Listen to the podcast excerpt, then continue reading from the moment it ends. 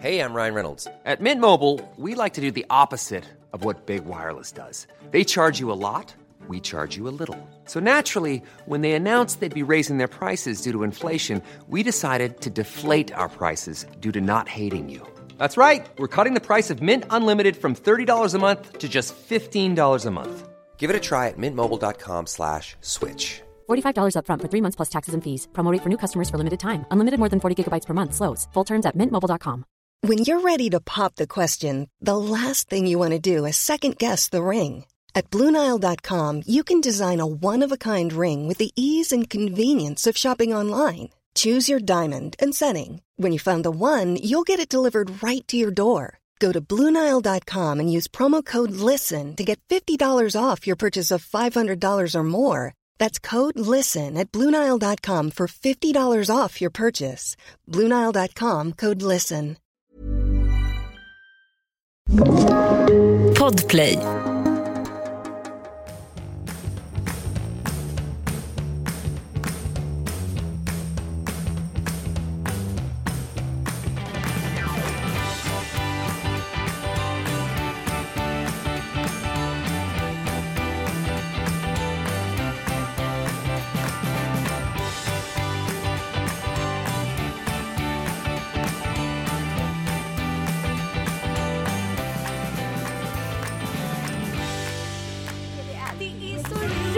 Roligt här i den lilla glasburen med mig och Anita Skolis. Skidåkerskan lite skolis. Visst, tänk Ja. att jag ändå är skolis för dig. Ja, nu ringer Gabriel om Vasaloppet. Jaha, det kommer inte ske. Någon skolis ska inte med på Vasaloppet. Slöfock. Kalla mig för vad du vill. Kalla mig för vad du vill. Eh, jag tänker på det när, jag, när vi pratar om våra barn eh, i skidbacken. Ja, Så tänker man ju så här, men, barn blir ju liksom Ja, men barn, det är den klassiska psykologiska experimentet. Barn gör inte vad vi säger utan barn gör som vi gör. Men just tycker jag i skidbacken så tycker jag liksom inte att det stämmer.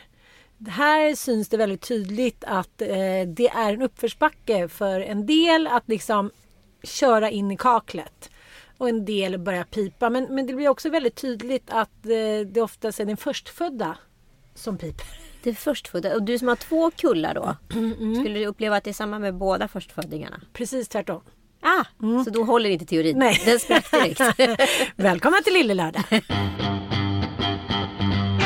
Ja, eh, vi kanske kan säga välkomna till nya Lille Lördag i den nya världen 2021. Ja precis. Det här är då oxens år enligt den kinesiska zodiaken. Och det är ju någonting jag föredrar att prata om. Eh, Jag tycker att eh, den kinesiska astrologin är ju otroligt pricksäker. Både 2019 och 2020 skulle ju vara två riktiga rövår enligt zodiaken. Och det har jag ju fått rätt i. Men nu i Vem är februari... denna zodiak? Vem är det? Vem är han? Eh, hen? Hon? Eh, nej men och nu vänder det. Nu vänder det. Från och med första februari så nu kliver vi in i en god tid. Vi är i råttans år fortfarande. Det är en jävla skitråtta kan vi ju alla konstatera. Utan nästa år ska det ju verkligen vara bra. Och de här, det är ju 12 stycken djur som kännetecknar de här. Så nu är man liksom på, nu är vi liksom på oxens år i cykeln. Stabil, tuffa på. Stabilt, roligt, lustfyllt, mycket kreativt, roligheter kommer ske, eh, ekonomin stärks och så vidare. Ja, det kan vi behöva tycker jag efter två skitår. Ja, det tycker jag verkligen. Nu För det var ju faktiskt så att väldigt många tyckte Ska också vi ta att... rysk kaviars? Kaffjärs. Eh, det var ju väldigt många som tyckte att eh, även 2019 var ett skitår. Så Ja. såg så mycket fram emot 2020. Jag läste ju då eh, horoskopet redan i 2019 och stod så här, men råttan så det kommer ett riktigt rövår för dig. Så, så här, glöm allt. Liksom bara pausa allt till 2021. Jag bara så här, fuck, inte två rövår på raken. Och nu händer det. Precis. Men eh, 2020 var ju rövigare än rövigast. Det var nog det rövigaste på länge. Det var, På cirka det var 100 år. babianröv. På cirka 100 år. Nej, andra världskriget var ganska rövigt också. Först också. Men ja. Nej men det finns ju alltid grader i helvetet och det, det, ibland så tycker jag att det är en ganska bra strategi. Jag har precis läst några böcker om Nordkorea och då känner jag så här. Du har, vänta ett tag. Nej, nej, nej. Det här måste vi frasera om. Du har läst några böcker om Nordkorea. Hur mycket vill jag höra hela sanningshalten De var tunna. i det påståendet? Nej men alltså det är ju så när jag läser böcker. Jag kanske inte läser varje ord. Den ena eh, läste jag till frukost. Och den andra läste jag på paddan. Nej men jag är väldigt väldigt intresserad av Nordkorea just nu. För att det är verkligen världens mest slutna land. Och det är liksom jag tycker det är en ganska bra jämförelse som jag kom på lite i natt när jag inte kunde sova. Att, så här, att man stänger ett kylskåp. Man vet att det är någon form av lampa där inne. Man kan liksom inte, det kan vara så glada morötter som dansar omkring. Det är så här, man stänger det och sen... Man har liksom ingen koll på samhället. Det är helt stängt. Precis, det här är ju alltså Lille Lördags version utav Filip Hammar. Om ni alla undrar när det kommer till skarvande. Men eh, och filosofin runt kylskåpet har alltså lett henne i raka spåret in i Nordkorea. Jag undrar om det var Nordkorea som väckte tankarna om kylskåpet eller kylskåpet som väckte tankarna om Nordkorea. Nej, det, det, var, det, det var Nordkorea som väckte tankarna om kylskåpet. Det måste, måste jag erkänna. Okej, vad skulle du säga är topp tre mest spännande med Nordkorea just nu? Eftersom det är ett land som ändå är väldigt aktivt på att vara så slutet.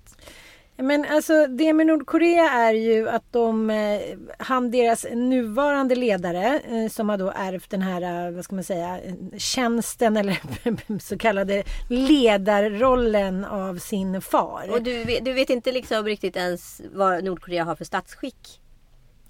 Det är sant. Det de- är då de en är- nekrokrati kan jag berätta för er lyssnare. Nekrokrati är alltså en, en form av liksom, styre som dels förs av en person som redan har dött. Men också har satt standarden för landet. Så egentligen så alla som är ättlingar till Kim Jong Un var väl den första va? Eh, Ja, precis. Ja, de kommer ju då föra hans regim vidare. Och så länge alltså- de har makten så, ja, och inte störtats utav folket, vilket inte kommer vara most likely på många hundra år. Precis. Så kommer det vara så här. Men, men det är så här, det, det, de har ju lite olika, det, de kallar sig själva då för en republik. Mm, jo, men det är det ju indirekt. Ja. Mm, och eh, Che Ryong-hae har representativa uppgifter medan Kim Jong-Un är då ledaren. Precis. Mm, Men sen har de också Kim Tok-Hun. Ja. Det är hon. Är det en hon va? Och det är då eh, syrran. Precis. För det har ju varit lite omdiskuterat här i tidigare i höstas om eh, Kim Jong-Il faktiskt hade gått ur tiden efter en, eh, en eh, bypass-operation. Va? Att han inte hade överlevt och man kunde liksom inte riktigt fastställa det här. Olika läkare vittnade om eh, hur han hade gått bort under operation. Sen så några glada veckor senare så syntes han då inviga en fabrik. Men vi vet ju inte, eftersom vi inte vet någonting om Nordkorea, om det här är gamla bilder som Nej. manglas ut. Och vi kommer ju inte veta om han har dött förrän om flera år. Det är ju liksom galenskap på hög nivå i Nordkorea och ibland känns det som att de öppnar upp lite. De tackade ju först ja till att få lite hjälp av USA eh, inför Corona. Men nu har de liksom stängt alla gränser och de få människor som har fått tillträde där, bland annat den här danska kocken som gjorde då en hemlig dokumentärfilm som visades förra året. Eh, han säger så här, det finns ju typ ingen mat. Alltså folk är ju så smala och eh, för de har ju dels stängt gränserna till Kina och dels producerar de ju inte särskilt mycket själva. Nej det är ju svält. Det är ju massvält som pågår i landet. Precis och nu har ju då eh, Kim Jong-Uns syster Kim Jo-Jong eh, har blivit någon, börjat få någon topproll och hon verkar ju vara liksom the bad ass cop till honom. Så att hon håller ju på och eh, river upp avtal och eh, hotar med ena För det som hände var att det var några nordkoreanska avhoppare som, skickade skickar, som skickar alltså flygblad med ballonger från Sydkorea som då spricker och som kommer ut sådär då. Och då så då blev hon så jävla arg att hon typ sprängde, såg till att samarbetskontoret då i Sydkorea sprängdes. Eftersom hon tyckte att de hade då ingen koll på avhopparna där i Sydkorea. Så att ja, Nej men ingenting är väl förvånande som kommer ur Nordkorea. Vi ska ju inte- glömma bort att det var ju också Kim Jong-Il. Som också hade gjort alla hole-in-one på en eh, 18-hålsrunda och var så bet- hade bättre handikapp än Tiger Woods. Eh, precis som Idi Amin som då eh, liksom tävlingssimmade och, och liksom så, slog olympiska mästare gång på gång. Men alla andra simmade ju jättesakta såklart. För det är ingen som vill vinna över honom. För då avrättas man ju. Det är ju så jävla lätt att vara diktator. Du är ju en treåring som aldrig behöver växa upp. och det är också det att eftersom de indoktrineras i det här och hjärntvättas att eh, de här ledarna är då experter på allt. Ja. Allt från skidåkning till sömnad hit och dit. Det är lite som våra lyssnare tror att du, att du läser Ja. väldigt många böcker. snabbt under frukosten. Och du skulle också avrätta mig nu eftersom jag avslöjade den här bluffen. Precis, precis. Så ni kommer inte höra mig mer i Lille Lördag Mm. 2021. Nej, jag ska äta upp henne också. Nej, men jag tycker att det är liksom helt sjukt att man då eh, man skiter liksom i allting. Alla regler. Man, man lever på något sätt sin egen eh, Ja, man sätter upp sitt eget re- reglement så att säga. Liksom. Ja men det är som vilken, eh, vilken dålig relation som helst. Det, Mm. det som är mest liksom beklämmande är ju att de här sitter liksom och har så mycket makt och så mycket kärnvapen och är Mm. så pass opolitliga. Så att så här, det är ju som att hela världen är ett klassrum. Och Ja. längst ner i liksom vänstra hörnet så sitter det där riktiga problembarnet. Som liksom kan ställa till det för alla andra om inte den liksom hålls i schakt. Och det kan ju vara på olika sätt. Genom smicker, krås och rena hotelser. Ja och sen så är det precis som du säger som man inte vet om, om eh, ja, den propagandan som visas är så fyra eh, år gammal eller en, liksom en månad gammal så är det helt omöjligt för alla liksom, utländska bedömare att kunna avgöra vad som händer där inne. Och nu senast då i majmarschen då visade de ju en stor missil då, kärnvapen. De skiter liksom i alla överenskommelser. De tycker att de står utanför det. Och så går de omkring med sina små kliddriga hundar. Du vet, Såna Ja. vita, vad är det för sort? Pekingeser. Ja, någon form av pekines. Han har- Det är något läskigt över det där. Att det alltid ska finnas något mjukt. Att så här, de kan avrätta människor sådär. Till och med sina egna syskon. Men gråta blod ifall deras hund skulle så här bryta en tass. Mm. Känner du igen dig? Absolut. Alla dagar. Det är bra att inte gillar djur. Ha, eh. Fick, du det sagt? Jag gillar djur jättemycket. Jag har ju haft djur hela mitt liv. Jag har, ju- det här är liksom den större, Jag med, stora... ingen har överlevt. Mina har överlevt. Eh, De har fått avlivas. För att de har levt för länge. Du har så här, så här svältdiet. Gett dem ett litet popcorn varje Nej, dag, nej, nej. Men alltså du vet när pastorn dog. Alltså min katt, sista katt som jag hade. Pastorn? Pastorn ja. Jag hade katten Pastorn. Han bantade ju på Aftonbladet. Kommer du ihåg det? Han var så tjock. Han var så övergödd den där katten. Bara Hade du en katt? Jag hade jag har haft tre katter. Tusse, so, Tusse Sotis och Pastorn. Och Pastorn var den sista katten jag hade. Klassiskt namn. Och då sa jag att aldrig mer ska jag ha en katt efter detta. Och då, han bantade i alla fall på Aftonbladet TV, ett program som Per Lernström för övrigt var programledare för. Så en gång i veckan så fick han gå på sim på vad heter det, ett djursjukhus. Man stoppade ner stackars pastorn i ett badkar. Eller akvarium var det faktiskt. Och så fick han ha på sig en liten kattflytväst för 30 kilo. Och så fick han simma för glatta livet. Men vadå, varför hade han blivit så mätt? Han hade fått eh, en barnvakt eh, under en period när jag var och filmade Expedition Robinson. Och jag hade köpt fel eh, kattfoder till honom på, djur, på djursjukhusspecialisten för feta katter. Han, det fanns ett bantarfoder men jag hade köpt fel foder som jag hade gömt långt bak på en hylla och sagt så här, det här ska jag inte användas. Eh, använda Använd det som står på golvet. Min eh, ganska nerrökta kattvakt Eh, Sofia kan vi kalla henne. Hon eh, lyssnade inte på instruktionen utan hon tog det här fodret då för vildkatter i princip som var ett utomhusfoder. Så när jag kommer hem och hittar pastor då är han klotrund och väger glada 23 kilo. Men du kan ju inte påstå nu att han var typ en sylfid när du åkte. Eh, nej han var inte, inte en smal katt men Man då, döper inte en sylfin till pastor. han låg på ungefär glada 14 kilo då. Men hade nästan gått upp till dubbla när jag kom hem. Nej, Jo. och hur länge var du borta? I tre och en halv månad. Jaha, så pass länge? Ja. Och vad är ditt starkaste minne av... eh, Alltså, har minnet... Alltså pastorn var ju med in i Kalles relation. Alltså Kalles mitt första år. Ja, så Kalle fick alltså avrätta honom. Nej, men gud, är du en cat lover? när jag var och spelade in en långfilm. Så då fick han sin sista måltid. Och vilket var gåslever, tonfisk och ostbågar. De tre måltiderna han tyckte var allra bäst om. Och han var så stor så han ville aldrig somna in. Då fick jag honom en extra spruta. Nej, du är ond, du är en fider. Nu kan jag skratta åt det för det är ju över tio år sedan han dog. Oj oj oj. Men det var verkligen, det var verkligen synd om pastorn. Du var en fider du och Sofia. Ja, vi var så fidrar. Jag har inte det alls alls det här vi skulle prata om. Nej, det var inte alls vi ska prata Nej. om. Men vi ska prata om nya Lillelördag. Ja, Som går under namnet Vandrande pinnar. Vi kommer att ha ett, ett stort segment i Lillelördag som heter Lillelördag Stories. Vi har ju saknat själv våra de här crime-poddarna lite så jag och Ann kommer alltså välja ut varsitt ämne som vi brinner för. Det behöver inte nödvändigtvis vara ett crime-ämne även om det ligger nära till hands. Eh, utan det kan vara lite eh, spännande historia om nästan vad som helst. Bland annat kommer det vara det här. is this quivering mass of irreconcilable contradictions. I'm going to be both. I'm going to be adored by church ladies and the gays. Yeah, the sexuality, the spirituality, the sensuality. That's exactly who I am. She's just a, a beautiful fountain of goodness. It's me. 100% Dolly is an extractive capitalist. I always say I give God the credit. I just want the cash. In terms of cultural power, I think she's like second to Walt Disney. This is Jed Abumrad from Radio Lab and More Perfect. For the last two years, I've been following Dolly Parton around the world. Sen kommer vi även prata om historien bakom champagnehuset eh, Louis Rodeur och champagnen Kristall. Kobimannen som är då förlagen till Bibliotekstjuven, den som kändes nu i, som repris på SVT under julhelgen.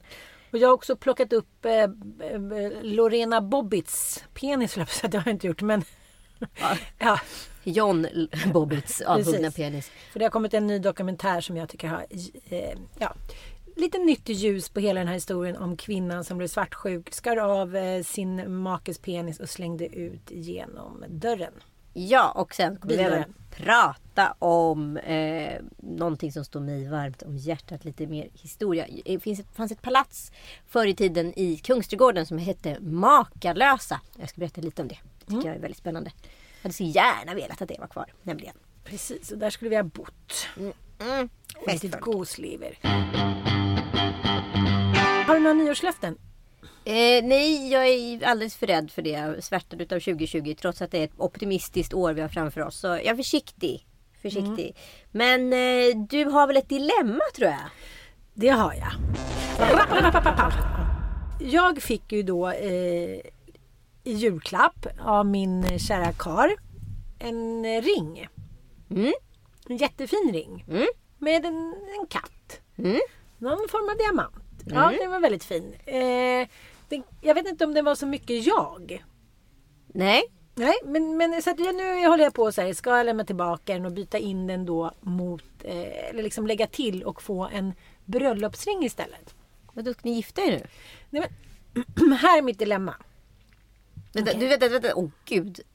Nu svartnar det nästan framför mina ögon. Lyssna då på dilemmat. Ja. Dilemmat är ju då att vi, eh, Mattias friade ju då, då var vi ganska eh, liksom nykära. Vi hade varit tillsammans eh, något halvår. Det var på julafton 2013. Jag var gravid. Jag hade precis ramlat ner för trappan till det hyrda liksom, skidhuset. Och, ja, det, var, det var mycket tragik kring det här. Liksom, med det här barnet. Och då, hur som helst, eh, det, det var stark kärlek och jag var så lycklig. Och jag blev ju så chockad när han friade. För att han hade ju då eh, beställt en tavla med ett palindrom så att man såg ju inte vad det stod på tavlan. Man fick ju utträna vill du gifta med mig bland massa andra bokstäver. Det var mycket avancerat. Och eh, han blev så stressad då när barnen började öppna julklapparna för han skulle ju fria då senare på kvällen. Han var så rädd att de skulle råka öppna det här paketet. Så att han, fri... han friade på julafton igen? Nej, han friade på julafton när vi var i Ramenbergen. Jaha. Mm. Men han hade tänkt göra det på kvällen då när vi satt och åt middag och lite sådär. Men han blir lätt eh, stressad och blev då orolig att barnen skulle öppna fel paket. Jag vet inte varför han var tvungen att lägga det under granen. Hur som helst så var det då att jag öppnade och öppnade paket på paket. Jag stod i ett underställ. Jag kommer ihåg att det var lite hål där vid musselurvan. Så att det, men det kanske inte var representabel som jag borde. Och jag öppnade liksom paket efter paket. Han hade slagit in och slagit in då för att det skulle vara lite spännande. Hur som helst så friade han och vi var så lyckliga och det var Här är bilder. vär, och- världens längsta dilemma. Ja. Ja men nu kommer dilemmat. Att nu så har vi pratat om att vi ska gifta oss flera gånger och det- sen har jag blivit gravid och sen, sen, det är ju någonting att han, jag känner att han liksom, han vill ju inte, han vill ju gifta sig men inte på det sättet jag vill. Och vad är det för sätt du vill? Ja men jag vill inte gifta mig stort men jag vill ändå gifta mig. Men nu har jag förstått att han är Nej så... men vänta. Vad, säg, vad sitter du och säger till våra Nej, lyssnare? jag skulle gärna åka till Paris Vänta. med dig och några till och gifta mig. Jo, jag har ändrat For mig nu. reals. Ja, för, för första inbjudan som kom till bröllopet och sen återkallades. För det var ju ungefär 300 gäster. Så jag bara undrar vad, liksom, vad du tycker är ett litet bröllop. Ett inställt bröllop är också ett bröllop. Ulf Lundells nya. Den är bra. Den är bra. Ja, men släpp den nu. Hur som helst så är det här fram och tillbaka några år och nu har jag lackat ur lite. Jaha, oväntat. Nej men jag tycker så här, och det här är till mitt dilemma. Om man nu slår på stora trumman, är jättekär, vill liksom ha lite cojones, fria. Det hade han ju ändå liksom. Jag menar, han, han hade inga barn, han gav sig in i mitt liv hit och dit. Måste man inte någon jävla gång fullfölja det då? Och då sa jag att då kanske vi gifter oss i sommar på Gotland. Lite så opretentiöst. 50 gäster. Ja, men liksom, det kanske till och med blir en överraskning på min födelsedag. Fast nu blir det ingen överraskning. Du har redan planerat den. Och jag märker att det, det, det, liksom, det tar emot. Då säger jag så här, men då tar jag med ringen. Nej men Ann Söderlund. Nej, man måste ju ändå på något sätt ställa Du, liksom, krav. du, du, dina krav, det är ultimatum. Det är liksom inte Okej. krav. Det är samma sak. Nej. Nej men hur som helst, det här är mitt dilemma då. Då tycker jag så här. Antingen gifter vi oss i sommar eller också så skiter vi i det. Då får vi vara förlovade resten av livet. Men jag tycker att det är lite fegt. Och då har jag förstått att han är stressad. Ett för liksom svensexan. Och två för han gillar ju inte att stå i fokus. Han kan ju inte ens säga god jul och skål utan att få liksom svettattacker och eh, hjärtflimmer hit och dit. Så då är dilemmat. Eh, hur ska vi lösa det här då? För han vill ju inte. Han vill ju, men han vill att vi ska åka till Paris, han och jag typ. Och så ett vittne, någon gammal här, fransk bagare som skriker baguette tillbaka. Han, han klarar inte av att stå i centrum. Jag måste alltså supa ner honom eller så här, valiuma ner honom för att det här ens ska gå att genomföra. Har jag rätt att ställa krav? Men alltså, så här, det är det här som är dilemmat för mig. För att så här, du ställer ju inga krav, du, stä- du hotar ju med ultimatum. Det är så du får igenom alla dina propåer hemma. För mig är ju du en Kim Jong-Un i hemmet. Det är så här, vill du inte det här, då gör jag slut. Det är alltid det som är alternativet för Mattias. Så det är så, och så har det funkat så länge du och jag har jobbat ihop. Vill du inte det här, det blir inget. Men det blir ju aldrig något så jag vet inte, det kanske inte är så Nej, men då kanske du ska byta strategi då. Nej men jag, jag frågar ärligt så här, hur ska vi lösa detta? För vi vill båda gifta oss med varandra. Jag vill gärna gifta mig innan jag eh, eh, hamnar på pensionärshemmet. Och eh, jag bara undrar hur vi ska lösa det. Jag tycker så här. Till att börja med så kommer 2021 fortfarande vara ett ganska skakigt år när det kommer till liksom coronavaccin etc. Folk kommer inte vilja komma på ett bröllop. Det kanske är bra. Om ni gör det kostnadseffektivt ska ni absolut köra i år. Mhm. Eh, om han vill ha en litet scenario. Sen känner jag Ann Söderlund rätt. Så hon kommer ändå dra på någon stor middag och fest år två. För att så här, fira in detta bröllop lite extra. Mhm. Så antingen så styckar ni upp det och så har ni en litet intimt bröllop nu i år. Och så skjuter ni på festen till nästa år. Så får ni liksom det bästa av båda världar. Eh, och då i och med att ni har liksom postat festen ett år behöver ju inte han stå i fokus och hålla tal och sådana saker. Och sen ska ju faktiskt inte brudgummen hålla tal till tjejen. Det är ju bara ju enda som har brutit den traditionen är ju prins Daniel. Mm, Men det var väldigt ett fint bryt. Ja men du kommer ju inte få samma leverans. Nej, nej, det fattar jag också. Men, men dilemmat är fortfarande så här, vad tycker du? Om man friar och så står på stora, stora trumman, ska man då inte ta ansvar för frieriet? Det är klart man ska ta ansvar för frieriet men inte under ett ultimatum. Jag tycker att så här, eran situation har ju förändrats avsevärt från, hur många år var ni ihop? Sju? Åtta. Ja, åtta. Det är ju jätteskillnad på att vara ihop år ett och år åtta. Att Jo. år ett är man ju nykär och man är liksom fångad i en galenskapskropp. Mm. Och då gör man ju många galna beslut som man kanske inte gör år åtta. Eh, men... Han borde inte ha friat, är det det du säger? Kim Jong-Sun två svar, är det ditt svar? 전체 준현재 근체 천타치사 선태전 준나 Då tackar vi Kim för... Nej men jag menar allvar. Jag Nej. tycker ändå... Jag kommer ihåg min Ja, men syrra. du har ju redan bestämt dig. Det är inget dilemma för dig. Nej men jag tycker att, att kvinnor ofta får bära liksom så här typ hundhuvudet och vara så här morska tantaloror eh, som står med kaven i högsta hugg liksom typ Åsa Nisses Eulalias. Att, att man får bära hundhuvudet men det är inte jag som har friat till honom, han friade till mig. Jo, Och men- sen vill han inte förlåt, Ann infria. Söderlund, nu ska, vi inte, nu ska jag inte liksom så här spoiled moment på något sätt. Men varannan vecka vill ju du skilja dig från honom. Utav Ja, olika men orsaker. nu vill jag gifta mig. Ja, men då, då är det lite svårt att veta vilken, var någonstans i din cykel du är. Som jag också hade varit Mattias, hade jag varit ganska rädd för det här. Du svarar ändå inte på frågan. Tycker du inte att man ska ta ansvar Jo, för en sån stor säger- kärlekskist? Jag säger Du har ju själv varit gift tre gånger. Är två. Ja, ja. Men jag säger ju bara att det är en jävla skillnad på att bli friad till år ett och sen återuppta det frieriet år åtta. Jag fattar. Det kan komma med en annan typ av konsekvens. Om ni fortsätter vara lika så här stadiga och inte göra slut med varandra när ni får ett infall. Han har aldrig gjort slut med mig. Nej, det är bara du som gör slut med honom. Då kanske han skulle känna sig mer trygg. Så jag tror att så här, dilemmat för mig är mer så här, kan du göra honom trygg i frieriet? Fast det har inte med det att göra älskling. Det har att göra med att han inte vill stå i centrum. Ja, vad tycker ni kära lyssnare? Ni får gärna skicka in det här. Jag tycker ju som sagt att det här är ett väldigt stort dilemma jag med. Jag, jag, jag, jag har svårt att få facit här. Var så intressant. Vi satt här i poddstudion och eh, kom in en person som skulle vara någon form av tekniker och han var så alltså fruktansvärt dålig energi.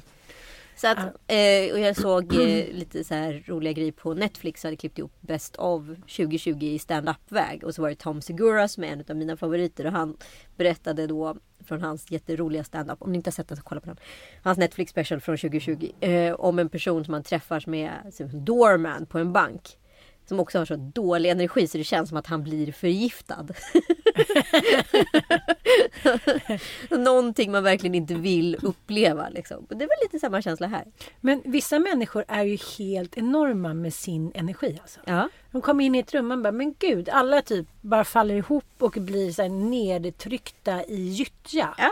Men det är liksom en, det är en maktpositionering. Och det, många tycker jag, surkvinnor har ju den. Ja. Att säga, "Jaha, nej det var inte det här bra, då ska jag sitta och sura. Även fast det är 20 andra människor som har roligt. Jag har levt med en sån man som varit så här. Om jag är missnöjd då ska alla andra i sällskapet också vara missnöjda för att då blir det rättvist. Så den, så här, om vi kunde vara på middag exempelvis. Då, då vad heter det, blev han sur för någonting. Då skulle han förpesta stämningen för alla i middagssällskapet och sen så storma ut och göra dramascen. Så att alla skulle vara så nej nej gå inte. Alltså väldigt ung Ja. relation såklart. Men, eh, men liksom jävlar vad speciellt det är med någon som bara så här Mi, mi, mi, mi, mi, mi, mi, mi. Nu tycker inte jag att det är kul. Det är ingen som lyssnar mi. på mig. Mm. Eller, eller vid de middagarna där folk så sitter och, och så här skuddmissilar det de vill säga. Att så här, ingen lyssnar på den andra. Man är bara så här beredd. Precis när det så här, ändelsen slutar. Så bara, in med sin skuddmissil. För nu vill jag synas. Nu vill min bombardemang. Nu ska det höras. Mm. Så kan man ju vara lite till mans själv. Och det får man väl vara. Men vissa är ju alltid så. Och jag tycker ändå att det här har utvecklats. Man tänker när man satt på middagar när man var 20 och man satt med liksom, jag ska inte nämna några namn, men många så här star rookies. Och man var så här, det var nästan som att slåss. Och de bara snackade och snackade och snackade för snackandets skull. Och så kommer några tjejer som sa något briljant. Nej, det bara hastades förbi. Så där tycker jag ändå att, eh, nu tycker jag det är faktiskt nästan tjejerna som pratar mer på middagar. Mycket mer. Mycket mer. Ja, vad var nästa grej då? Ja, jag har kommit på två nya ord. Nämen, Ann Söder, kan vi få en liten vignett för det Magnus? Ann Söderlunds nya ord. Ann Söderlunds nya ord. Ja, jag vill bara veta vad du ska säga för jag har Ann Söderlunds nya ord. Men, men eh, så här är det. Det är två ord som jag har kommit på. Som jag tycker eh, är lite intressanta inför 2021. Det är livsslarver och hastkärlek. Oj, spännande. Det är ganska fina ord. Ja.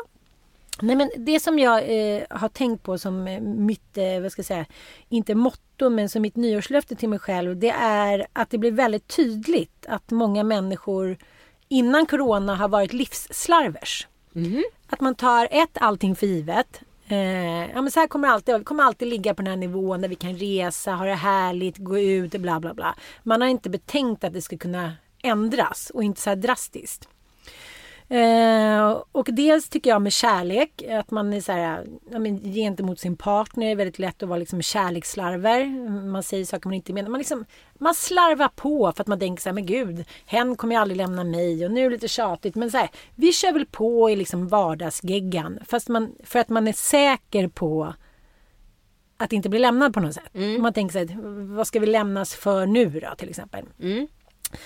Och eh, då, det handlar liksom om allting, att man så här, inte utnyttjar det till det sista. Så läste jag så här, en väldigt känd eh, brittisk filosof som häromdagen skrev så här. Året innan eh, han fick cancer så gjorde han en intervju i The Guardian och blev så jävla hatad av resten av den filosofiska kåren, om man ska säga. Okej. Så att liksom, han fick inte ett jobb. Alla tyckte att han var helt vidrig förutom så här, kompisar och gamla kollegor som ställde upp. Och, så här. och sen så fick han precis veta att han hade cancer. Och visste att han, ha- han fick reda på att han hade ett år kvar. Och då sa han så här, jag har ju levt med de här filosofiska frågorna i liksom hela mitt liv. Det har ju varit mitt jobb. Och först nu så förstår jag vad det hela går ut på. Det är att känna livstacksamhet. Och jag har inte kunnat göra det på riktigt först nu. När jag vet att det är så här, jag är nere på botten. Han har en kvinna som han älskade. De gifte sig, en ny tjej. Eh, och så dog han ett år senare. Han säger så här, jag känner så mycket tacksamhet eh, inför livet. Eh, även fast jag är nere på botten. Och då kände jag så här, fan vad tråkigt att vara en livsslarver tills man typ får veta att man snart inte finns längre. Så jag tycker att så här, jag ska sluta och livsslarva. Precis. Det är ju jättebra råd. Ja, eller hur? Alltså att man verkligen så här, låter ju, men oftast, det här är intressant för jag skriver, håller på att skriva manus nu liksom. Och när man då ska koka ner liksom vad saker och ting är. Så blir det, landar man ofta i klichéerna. Ja, ja. Eh, och, och klichéerna är väldigt bra när det kommer till liksom, manusskriveri. För att det kokar ändå ner Mm. syvende och sist vad saker och ting är. Det får vara platt och banalt. Ja. Fånga dagen. Det är det det handlar om. Ja. Och det är ju liksom det mest slitna ordet på 20-talet. Liksom. Men, men det är ju, fort, finns ju fortfarande något i det. Jo, men jag tänker också så här, om- vi ska gå tillbaka till eh, Pretty Woman-filmen och alla andra kärleksfilmer i världen så var ju de fram till metoo och liksom uppbyggda efter Harlequin, vad ska man säga, strateginormen att så här, ja, men lite så här, beda, liksom lite så här, tjej som har hamnat lite fel i livet eh, fångas upp av en äldre man med kapital och erfarenhet. Typ som en vit, alltså prinsen på den vita springaren liksom. Och eh, då kommer vi eh, direkt vidare som en liten eh, brygga där till mitt andra ord. Men det är det jag tycker är så intressant med hela liksom, den feministiska utvecklingen. För vi kan ju uppleva att vi är här, både jämställda och eh, att vi i alla fall i, som sekulariserade kvinnor i väst har en ganska stor möjlighet till eh, att eh, självförverkligande. Ja. Eh, att vi är så otroligt jämställda men fortfarande så studsar vi och speglar oss hela tiden med en man. Vi speglar oss sällan med en annan kvinna och är det en annan kvinna som vi speglar oss med så tänker vi så här Hon har haft tur, hon har haft männen bakom sig. Hon har slagit, alltså så här, hon, hon hon är inte faktumet utan det är fortfarande männen bakom henne som är faktumet. Så så länge vi studsar mot en manlig dominans då finns det fortfarande ingen riktig jämställdhet. Nej, nej. Det är det, den största livslögnen som så många går och bär på tror jag. och det tänker jag också så här, vad blir då nästa grej? Man tänker så här, först kom metoo och då har det blivit en liksom movement och sen så kom ju ja, men, rasismen, vardagsrasismen, Black Lives Matter och nu har man satt liksom Ja men vad ska man säga, nu är det väldigt fokus på det. De har ju liksom faktiskt ändå plockat bort så här 150 historiska statyer Ja. runt om i världen. Ja, men så det händer grejer, Ja, det kokar. Liksom man har ögonen på sig, man kan inte bete sig hur som helst. Och man har också börjat omvärdera, jag har verkligen börjat omvärdera min vardagsrasism. Eh, För jag pratade med en brunhyad kompis och hon sa så här, men vet du, alla är rasister mer eller mindre. Om vi bara och det, det är bara så det är, men så länge vi kan erkänna det så kan vi i alla fall tänka på det och försöka förändra det. Det Absolut. kommer inte ske liksom på ett år att så här, vi inte tänker på vardagsrasism som till exempel åh vad fint hår, vad lockigt, vad fint hår är, är det så här afrohår eller? Alltså det är bara småduttgrejer som Ja. jag tänker så här, jag är bara gullig och vänlig och försöker hjälpa till. Och jag berömmer, men det är liksom bara Mm. Det är ligger så där det och pyr. Nej, men och det tycker jag har gjort en, Där måste jag säga att tv-bolagen har gjort en sån jävla ansträngning. Och det har liksom också varit fungerande. Eh, Bridgerton som går nu på Netflix. Eh, en utav flera serier som har bytt ut traditionellt eh, kaukasiska eh, huvudrollsinnehavare till eh, brunhyade. Även fast det har varit brittiska liksom, kostymdramor så är det liksom att eh, en utav de största liksom, hjältarna är en, en brunhyad man och kvinna. Liksom. Eh, vilket är superspännande och det är, jag har sett massa exempel på det här under åren. Liksom.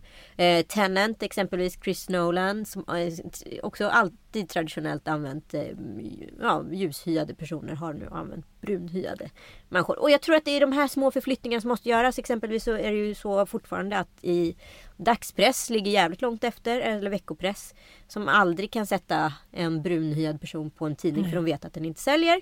Eh, utan de måste sätta antingen en person med typ ett Kinsa-utseende, det vill säga ett blandutseende, eller en blond kvinna. Det vet man, kan man garantera försäljning. Då tänker jag så här, vad blir nästa stora moment? Jag tycker det är väldigt intressant för jag såg eh, Ja men det har ju varit mycket liksom, det har inte varit någon debatt, det har bara varit hyllningskörer till Ulf Lundell nu kring hans nya eh, dokumentärserie i två delar. Och då tog Bingo Rimér upp att han eh, fotograferade ju Ulf Lundell, eh, de här famösa bilderna där eh, eh, där Bingo plåtade Ulf Lundell med två unga halvnakna tjejer. Ja, som allting såg ut på 2000-talet. Precis. Och eh, då frågade någon, ja, både Bingo och Ulf Lundell, så här, vad, var, vad var tanken bakom? Och där mm. tänkte jag så här. Där är, tror jag är nästa nya moment. Det fanns ju aldrig någon tanke. En man har ju fram till metoo fan inte behövt ha en tanke bakom någonting. De har bara fått feeling. Mm. Och så ringde han då och bad Bingo, så här skulle vilja göra ett skivomslag. Så här. Jag skulle vilja ha någon ung tjej som satt på mina axlar i vitt linne och jeans. Exakt. För att de fick feeling. För att det skulle göra så att de såg potenta och unga ut. Ja, men, och så blir det ett jävla ramaskri med all rätt. Men så väldigt sällan som det har funnits någon tanke bakom det, i Den bilden historia. var väl också upprinnelsen till hela Fittstim-debatten. Tillsammans med brevet från Karolina Ramqvist. Men hon sitter ju också i dokumentären och hyllar honom och tycker att det där var så gulligt det där brevet hit och dit. Så att det, det är lite så här, när fan blir gammal så, så blir han älskad. Mm. Mm. Du hade ju två ord sa du. Du har fortfarande bara gått igenom ett utav. Precis. Livslarver Mm. har vi det andra ordet. Och det är då eh, hastkärlek. Just det, hastkärlek. Jag fick en liten presentation av det här innan. Det var väldigt spännande också. Ja, men i, jag tänker så här att eh, det som kanske, eller det som jag tycker har gått förlorat för många människor, det är den där hastkärleken som vi inte tänker på att vi får varje dag. Kanske vid eh, kaffeautomaten. Åh, vad fin du är i håret, vad har du gjort? Eller man träffar någon så här, på tunnelbanan eller på krogen. Man säger något fint, man får en kram. Det är liksom någonting som fyller en med energi. Och jag tänkte på det när du och jag träffades i eh, Orsa Grönklitt. Det var en väldigt kort stund eftersom vi var tvungna att åka för Bobo mådde dåligt. Och, ja, men, du skulle låna några skidbrallor det var hit och dit. Vi sågs liksom, ja vad kan man säga, i runda slängar en minut. Ja. och han tar en bild. Han tar en bild. Och eh, Nisse Hallberg, komikern, han tyckte att det där var den roligaste bilden han har sett i hela sitt liv. Varför då? Nej, han, han tyckte det var så roligt att säga vi träffades i ett momentum, jag dök upp bakom som gubben lådan. Han har liksom zoomat in mig bakom dig och bara gör så skrattgrejer. Han har skickat flera gånger så här, det är det roligaste jag sett under hela 2020. Att det är så här, Ja men man är inne i ett ögonblick. Det är inte eftertänksamt, man försöker inte vara snygg, man träffar någon man tycker väldigt mycket om och man bara tar en bild. Ja. och då kom jag på ordet hasskärlek. Att säga, jag åkte därifrån med en liksom väldigt fin känsla av att säga hej då, du, du tog hand om Ossian lite under dagen och senare på kvällen. Att det ena leder till det andra och det har det inte gjort det senaste året. Nej, det var Så då sant. tänkte jag så här, lite som jag kan känna också när jag är ifrån mina män. Eller jag har inte så många men Du har ju fem stycken, sex. Ja, nej, men att man, kan, man, man känner en väldigt stark lycka och samhörighet när man här, snabbt kommer ihop. Du vet en snabb puss under lunchen med den man Ja, älskar. men det är också dit. saker man tagit för givet Ja. under eh, så många år. Att Ja. det aldrig skulle försvinna och när man var utom det ett år, liksom, då, är det ju, då vill man ju aldrig vara utan det. Så så var det. Och nu tycker jag vi kastar oss raskt in i första delen utav flera i vår nya, liksom, vad ska jag kalla det för, lite minikini-serie. Podden i podden, får man säga så? Så får man säga. Ja, eh, där vi ska... Lite som stjärtamentet i stjärtamentet. Berätta mer om det tack. Är det det som... Det är mitt nästa ord. Okej, vi återkommer till det nästa vecka. Anns ord, ord. Nej men vi tycker väldigt mycket om att eh, rota lite i historien. Det behöver inte alls vara särskilt långt tillbaka. Men sånt som vi tycker ska eh, ja, stötas och blötas lite mer kan man Men, säga. ja men precis, både du och jag har ju massa särintressen utav olika Mm. Vi har ju saker och ting. litteratur. Ja, du har ju uppenbarligen litteratur och jag gillar ju allt ifrån eh, historia till, eh, till liksom crime. Mm. Och den här veckan kommer vi, vårt första ämne handla om KB-mannen. Ni som har sett eh, tv-serien Bibliotekstjuven med Gustav Skarsgård i huvudrollen hade nu en repris under julhelgen. Han är då inspirerad utav den här KB-mannen som egentligen eh, differentierar sig lite från själva Skarsgård-karaktären. Det var vid halv fem-tiden i morse som explosionen inträffade i fastigheten som ligger mitt i centrala Stockholm. Det var ju dramatiska bilder i november 2004 då när han sprängde både sig själv och sin lägenhet efter att det här dubbellivet avslöjades. Ja, just det, det var ett självmordsförsök, tror Ja. jag. Explosionen var så kraftig att taket gav vika och vare sig polis eller räddningstjänst har kunnat gå in i lägenheten på grund av rasrisk. Vad var hans drivkraft Ja, i det här? det verkar ju som man har använt pengarna till att överkonsumera. Polisen har inte kunnat nå den 48-årige lägenhetsinnehavaren och man vet fortfarande inte om han finns i lägenheten.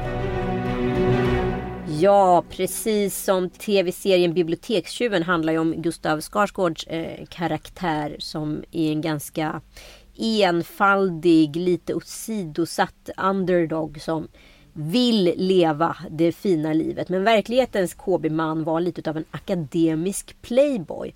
Han lärde sig kryphålen i samtiden och dåtiden och blev besatt. Skulle man kunna förklara. Den här då eh, akademiska playboyen eh, hade ett namn. Han hette Anders Burius. Och han var då chefsbibliotekarie på eh, KB och han stal en massa böcker. Just bibliotek är ju faktiskt perfekta tillhållet.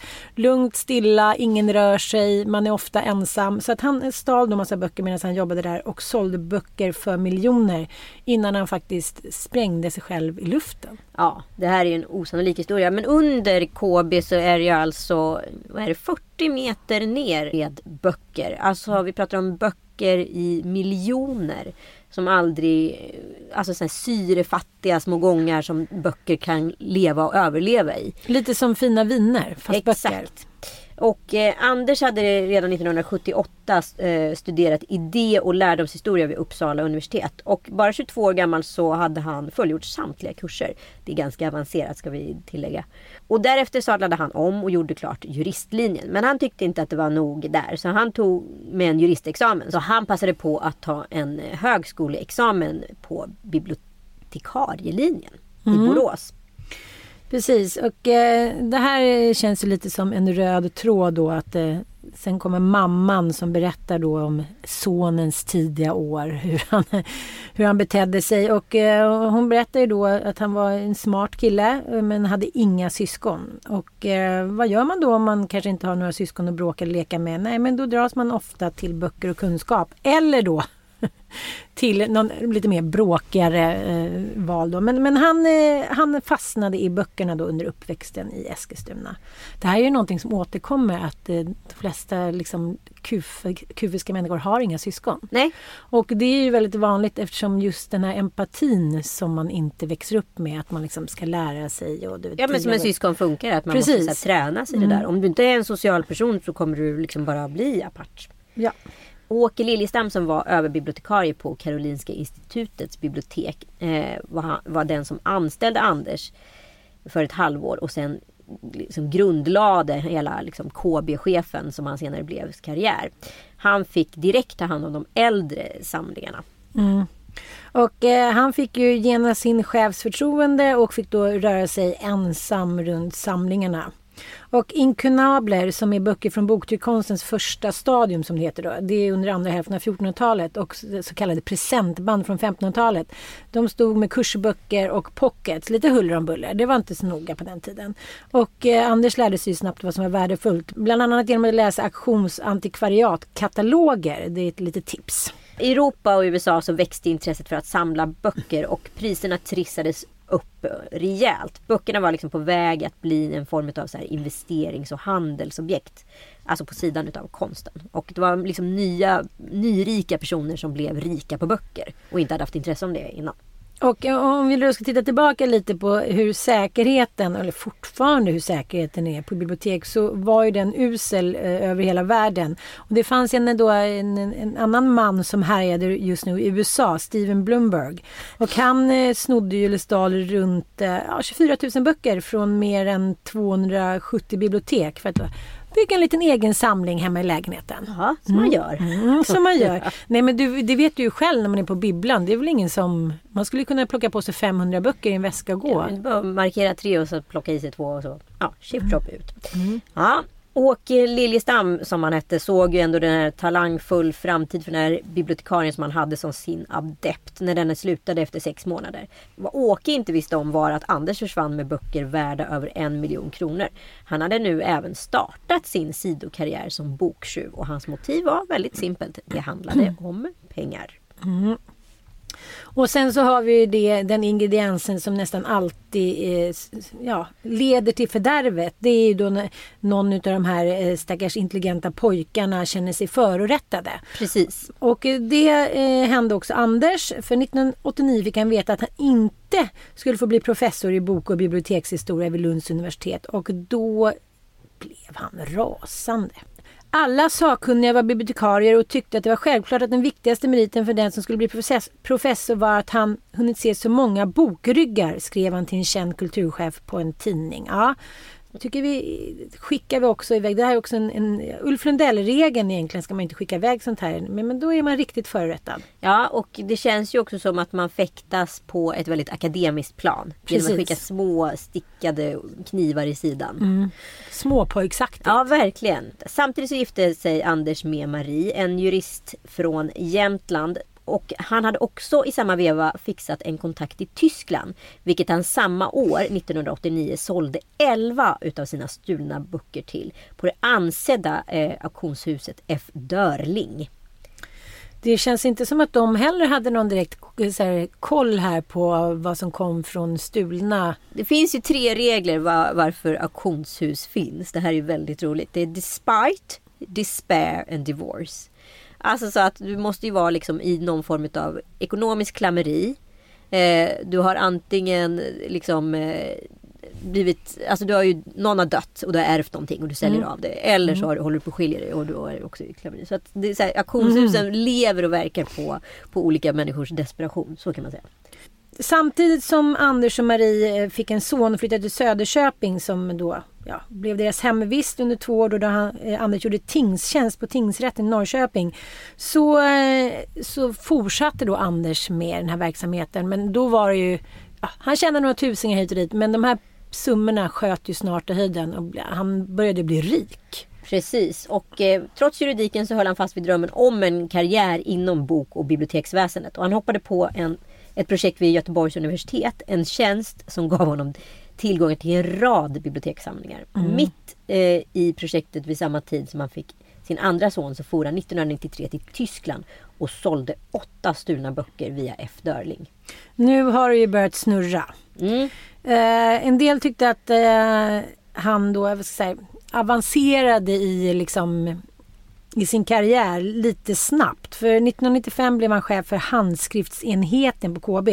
Och nu ansvarade vår gode Anders för en enhet på ungefär 11 medarbetare. Ja, men han hade ju som, eh, han hade ett, ja men det var väl inte något särskilt extraordinärt chefsarbete. Han planerade, hade personalsamtal och eh, ja, bistådde med olika ansökningar kring projektmedel då. Anders började nu ta hissen de där 40 metrarna ner under marken där de där atombombsäkra bergrummen gömde bibliotekets samlingar som utåt sett liknar två magasinshus. Som chef hade han alltså fri tillgång till de här och botaniserade obehindrat bland klenoder från eh, kompakthyllorna.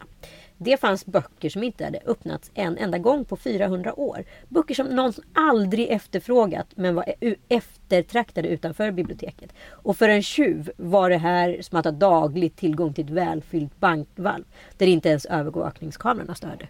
Mm, så att eh, helt sonika så stal han de här eh, antika dyrgriparna, stoppade ner dem på portföljen och eh, gick förbi vakten. Sen gick han förbi eh, skulpturen Läsande man i entréhallen på KB och försvann genom entréns triumfbåge. Sen tog han tunnelbanan till centralstationen, hittade rätt tåg och sjönk ner i sätet. Och tåget dunkade söderut i skymningen. Medan Anders vaggades till sömns upphörde han att vara bibliotekaren Anders B. Nu var han samlaren Carl Fields på väg till Hamburg för att göra bokaffärer på hög nivå. Det är film. Ja. ja, så spännande. Ja. Han hade alltså ett alias. Precis, och det här är väldigt spännande. Han tog alltså nattåget på fredagen och var tillbaka på jobbet måndagen. Och redan på 80-talet så hade han en kontakt som tog emot hans stöldgods eh, för auktionering. Men nu på 90-talet hade Anders fått en ny kontakt eh, som heter Konrad och han jobbade på en utav Tysklands, eh, som en av Tysklands främsta bokexperter. Och han kunde få Anders böcker sålda internationellt via kvalitetsaktioner i Hamburg. Konrad hade lyckosamt börjat på en av de anrika eh, auktionshusen, Kettler Könst och var vid ungefär samma tid som Anders började på KB. Så det här liksom gick ju stick i stäv. Ja, sen var han lite klurig också för en av hans eh, favoritlyriker var Erik Axel Karlfeldt och eh, han blev en av de här styrelsemedlemmarna på Karlfeldtsamfundet. Och sen så när han eh, som tjuv använde sig utav aliaset Carl Field så det var ju ganska kul och roligt. En hommage då till Karlfeldt. Precis. Mm. Och i perioder hade han ju svårt att hantera det här chefskapet. Han gjorde sig allt mer impopulär hos medarbetarna och han var på väg faktiskt att omplaceras. Men hälften av personalen på hans enhet de ryckte ut till hans försvar. Mm. Och eh, som vanligt då så lyckas eh, man leva många av de här, ska man säga, lite finare tjuvarna. Ja, det är ju alltid så här dubbelliv. Ja, är inte det ja. helt otroligt? Jo, det slår ju aldrig fel och oftast väldigt länge också. Ja. Och jag tänker ofta så här att fruarna då, har de liksom inte misstänkt någonting? Om, om Matti skulle liksom, Joel skulle åka till Hamburg varje, ja i och för sig. Ja, vi ska dit på säljuppdrag. Ja, men jag tror bara man etablerar en lögn tillräckligt tidigt så tror jag man får igenom vad som mm. helst. Ja, det är sant. Ja, men, eh, Anders och hans fru, då, de två sönerna, eh, levde traditionellt familjeliv. De hade en villa i Uppsala och prenumererade på tidningen Hus och Hem. Kämpade som alla andra med bolån, studieskulder och betalade tv-licens. Ja, det här hade kunnat se hur alldagligt ut som helst om det inte var för hans sidoliv. Och en gång flög han till Tyskland men annars så var det kvällståget som gällde och i Hamburg tog han in på ett billigt hotell. Så att det här är också eh, rule number two, gör inget väsen av det. Var icke extravagant. Det är Precis. många som har fallit på den eh, regeln, har fallerat. Exakt. Eh, men det här drar ju i alla fall för mig tankarna till den här chefen för myntkabinettet som avslöjades via en eh, simpel frimärksstöld. Mm. Eh, för i valven på Kungliga myntkabinettet så finns nämligen en gyllene skatt, en av de finaste i världen, till ett värde av 25 miljarder kronor. Men så upptäcktes också att det var mynt för 25 miljoner kronor som för, var försvunna. Och eh, ganska snart så insåg man att det här var museets högsta chef som var misstänkt. Men det var bara, också bara början. Såg du den här programserien Guldfeber ja, som den ja. Om ni inte sett den så tycker jag verkligen ni ska kolla på den. Finns på SVT. Eh, ja. Som Åsa Blank gjorde. Här blir det, tycker jag, blir, eh, det som jag tycker är mest intressant med hela den här Guldfeber eh, dokumentärserien är ju hur man jag har aldrig förstått, eller det förstår man ju, men, men just i den här världen så tycker jag det är så otroligt passionerade samlare. Det är liksom en värld då med en slags brödraskap med ordnar, adel och kungligheter. Och, men den, den bygger också på så här, om den här orden att man inte pratar utanför mun. Men den världen håller ju på att krackelera eller har ju krackelerat. Ja men det finns ju ändå någonting i de här små, vad ska jag säga, specifika nörderisamfunden som så här, öppnar upp för äh, kleptomani etc. Alltså Ian Wirsén som han hette då, han dog alltså förra året i en väldigt tidig demens. Han dömdes ju alltså för grov stöld till tre års fängelse av tingsrätten. Hovrätten ansåg 2019 att eh, straffvärdet var, låg på fyra år. Eh, men det beslutade för att han inte skulle få avtjäna fängelse efter att han var sjuk i en ovanlig form av kronisk demens. Men, och så dog han faktiskt förra året. Eh, och det var ju samma år som den här dokumentären kom. Det, det, det avslöjas ju inte faktiskt i dokumentären. För med de här sista bilderna när han stryker mamma, porträttet på kinden mm. och sådär. Då, då förstår man ju inte att han är sjuk. Nej, men det, det, är en scen som jag tycker är så himla tragisk i serien. Och det är att när eh, ja, Åsa då, filmteamet kommer hem och tittar i hans garderob. Så har han så här 300 Iton-skjortor typ som är oöppnade. Ja, han var bara hoarder. Han ville bara liksom köpa det. Han använde det inte. Han hade ingen att visa upp sig för. Han var helt ensam liksom. Ja. Ett sätt att så här, dämpa ångesten och ensamheten. Precis. Ja, men tillbaka till KB-mannen. Vissa böcker på KB stod ju liksom eh, noterade i katalogskorten och i Libris som är ett bibliotekssystem. Under tiden några böcker bara fanns i Libris och i en katalog. Men ofta så glömde Anders att ta bort några av korten och minst sex gånger så ryckte han bort kort så slarvigt att han lämnade kvar liksom pappersrester. Eh, Alltså, eh, börja, om man skulle se det på det stora hela med tanke på hur många böcker som finns där så skulle man ju säga att ja, det är ett minimalt slarv. Men liksom ett decennium senare utav stölder så blev allt det här ett ganska ordentligt slarv och en kedja av spår som i tysthet började liksom eh, maska ut vem som var den här tjuven. Sen så i alla fall startades en utredning för nu börjar man misstänka att det var någon på KB som stal böckerna internt då. Och eh, det var en eh, kvinnlig utredare som letade efter en bok då Das Illustrierte Mississippi Hall från 1850-talet som eh, var gjord av en konstnär som heter Henry Lewis. Och den innehöll då 78 grafiska blad med här, miljöer kring den amerikanska floden. Då. Och den här kvinnliga utredaren märkte då att samtliga bokens uppenbara registerkort, namn, real och slagordskorten var borta. Men sen när hon tittar vidare i en annan katalog så hittade hon ett kort eh, som inte riktigt visste vem det tillhörde. Men det visade sig i alla fall att KB verkligen hade ägt den här boken. Och eh, därefter startade man en, eh, ja, en explicit då, internutredning för att spåra insider som man insåg då härjade i magasinen. Men man förstår också att alla dessa tusentals böcker måste vara liksom som leta efter en nål i en höstack på något sätt. Gud ja. Men mm. Louis-boken hade Anders sålt via Kettler Kunst redan 1998. Och under tiden KB försökte avslöja tjuven tog Anders ännu en tur till Hamburg. En resa som faktiskt kom att bli hans mest inkomstbringande, men också den sista. Kettere Kunst fyller 50 år som auktionshus och eh, i maj 2004 så hade man en jubileumsaktion med olika bokrariteter. Och efter två dagars maratonbjudande från olika intressenter över hela världen så jublade de här förrättarna i auktionshuset. För att, eh, och den, den boken som de eh, jublade allra mest för var Anders eh, inlämnade stulna bok då, Maximilanus. Och eh, buden hade haglat från Italien, Spanien och Frankrike och slutligen gick det här, den här boken då för 94 300 euro som nästan var 900 000 kronor till en samlare. Och Anders gjorde sitt största klipp någonsin men eh, samtidigt så knakade hans äktenskap i fogarna. Därför hade han nu köpt en tvåa högst upp i ett hus på Surbrunnsgatan i centrala Stockholm. Och där träffade han en polsk kvinna som han inlett en relation lite parallellt med. Eh, hon var ett år äldre än honom och hade en son som studerade. Det här blev sen det förhållandet han liksom bryggade över i. Enligt uppgifter så följde hon också med honom till Tyskland någon gång. Mm. Så det började väl då, eh, allting började på något sätt eh, knaka lite. Men i början av november 2004 så eh, visade den här KB-utredningen att det var Anders som var den här tjuven som hade jäckat dem i, under så många år. Och eh, ett av de starka bevisen var då såklart att han hade haft eh, tillgänglighet till samlingarna. Och eh, en annan var då att eh, ja, men Anders kunskap, han visste ju hur mycket de här olika verken var värda. Och det var just de här kriterierna som han uppfyllde då. Och eh, när han blev konfronterad med de här uppgifterna så erkände han direkt för ledningen. Ja, det, det här tycker jag är lite fascinerande. Det är lite som att han ville bli upptäckt. Ja men är det inte många gånger så? Mm. Man är fast i något. Det bästa tycker jag ändå är att han säger att ni behöver inte föra er vidare. Säger han tycker att det skulle lösas internt de här stölderna för miljontals kronor. Men istället så ringde KBs utredare polisen. Ja. Och Anders häktades den 7 november 2004 och erkände eh, en andra gång. Böckerna han hade stulit från KB kunde han nästan utan till. På häktet ombads han skriva ner några titlar. Jag ska göra vad jag kan, svarade Anders. Och skrev en detaljerad lista med författare, årtal och allt. Tre veckor in på häktningen fick han reda på att Marie ville skiljas och det blev lite spiken i kistan för Anders. Nu eh, vill, de hade väl påbörjat någon form av skilsmässa där men den hade avskrivit. Men de hade levt också nästan tre år isär.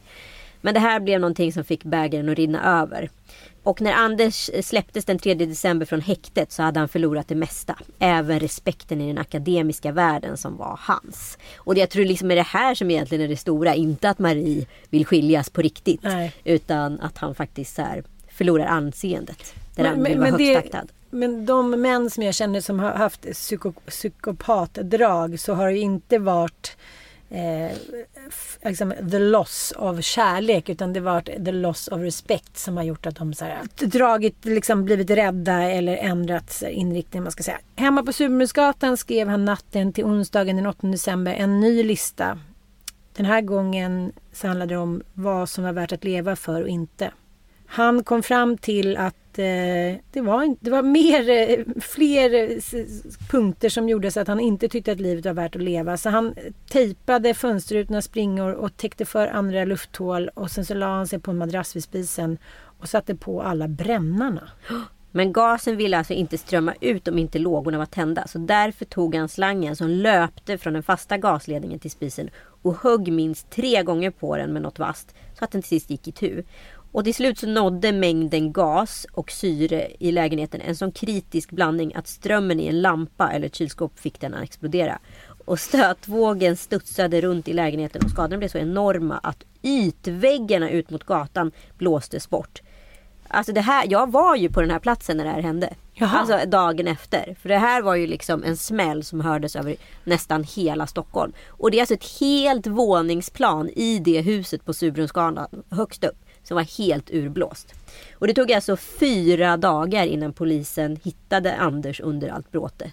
Och i det här, vad ska jag säga, raset så hittades ju även hur många böcker som helst. Cirka 25 titlar och några fanns också hemma hos hans mamma. Det var böcker från Karolinska institutet med ett värde på runt en miljon, bara det. Wow. Han var väldigt målmedveten i alla fall måste jag säga. eh, I sitt tillvägagångssätt att ta sitt liv. Gud ja. Inga tveksamheter där inte. Och eh, när Anders då bekräftades död så stängde man stöldutredningen. Men utredningen Mitt Kettler Kunst eh, tog vid. Precis. Konrad vägrade först att tala. Han ville få hela utredningen av Anders brott presenterad. Och då började han sakteligen samarbeta med svensk polis. Eh, Den här eh, Konrad då, han hade ju hjälpt Anders så att de här KB-böckerna auktionerades bort till olika länder. Och då fanns det en möjlighet för KB, det var ju att köpa tillbaka dem. Men det var ju tveksamt om de hade råd. De hade ju gått för miljontals kronor. Men årligen kunde KB i alla fall köpa tillbaka böcker och tidskrifter för ungefär 8 miljoner kronor. Förstår du vad han hade ställt till det med? Det är helt otroligt. Och Konrad säger då, jag har inte gjort något fel genom att sälja böcker åt Mr. Fields och jag hade inga problem att göra det, förklarade Konrad i ett, ett mejl. Han ville berätta mer skrev han också men förklarade att hans advokat inte tillät det. I media sa man att Anders ledde ett liv med Armani, kavaj och lyxbilar men det var så fel som det kunde vara. I förhören så kom det också fram då att eh, hans fru då sedan många år tillbaka, Marie, inte kände till stölderna trots att eh, hennes man då eh, stal böcker under deras 17 år tillsammans. Och eh, Anders polska flickvän eh, som sa att hon inte heller visste om stölderna. Men självmordet såg eh, båda som en konsekvens av hans mörka hemlighet. Då. Precis. Mm. Ja, nej, men den är ju, jag, tycker, jag kan ju inte sluta fascineras utav eh, historier inom de här slutna rummen. Men vet ju att det finns ju alltid såna här små fantastiska historier som kan blomma upp då och då.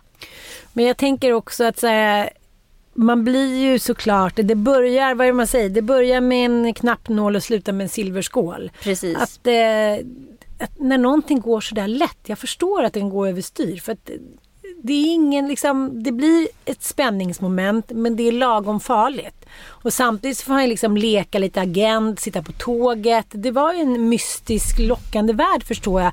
I liksom jag menar, om man jämför sig då mot det här vanliga livet liksom med snoriga ungar och frun som satt där hemma. Men, men eh, ja, jag är jag ändå fascinerad. Jag tänker också när det kommer i en viss tid i livet som man är mer mottaglig öppen för liksom den här, vad ska jag kalla det för, eskapismen. Mm. För att eh, jag kommer ihåg jag jobbade som eh, skvallerjournalist under några år för News of the World. Väldigt undercover. Alltså det Mhm. var ingen som visste om att jag gjorde det här. Nej. Och liksom eh, det var ju inkomstbringande och jag var i mina tidiga 20 år. Alltså det här var ju, jag var ju som en hemlig agent när jag åkte ut på de här uppdragen. Och vad var det då för uppdrag? Ja, det kan vi ta i en annan podd. Jag har Ja, det var allt... Carolas 35-årsfest och...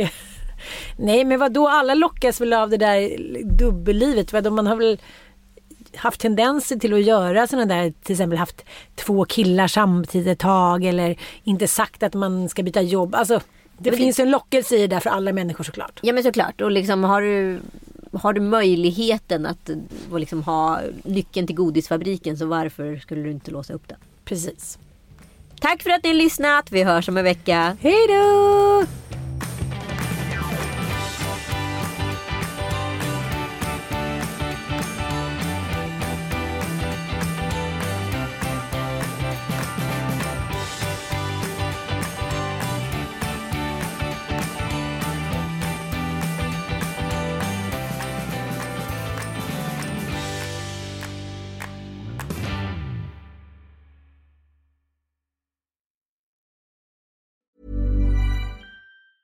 Hi, I'm Daniel, founder of Pretty Litter. Did you know cats tend to hide symptoms of sickness and pain? I learned this the hard way after losing my cat, Gingy. So I created Pretty Litter, a health monitoring litter that helps detect early signs of illness by changing colors, saving you money and potentially your cat's life. Pretty Litter is veterinarian developed, and it's the easiest way to keep tabs on your fur baby's health right at home. Go to prettylitter.com and use code ACAST for 20% off your first order and a free cat toy. Terms and conditions apply. See site for details.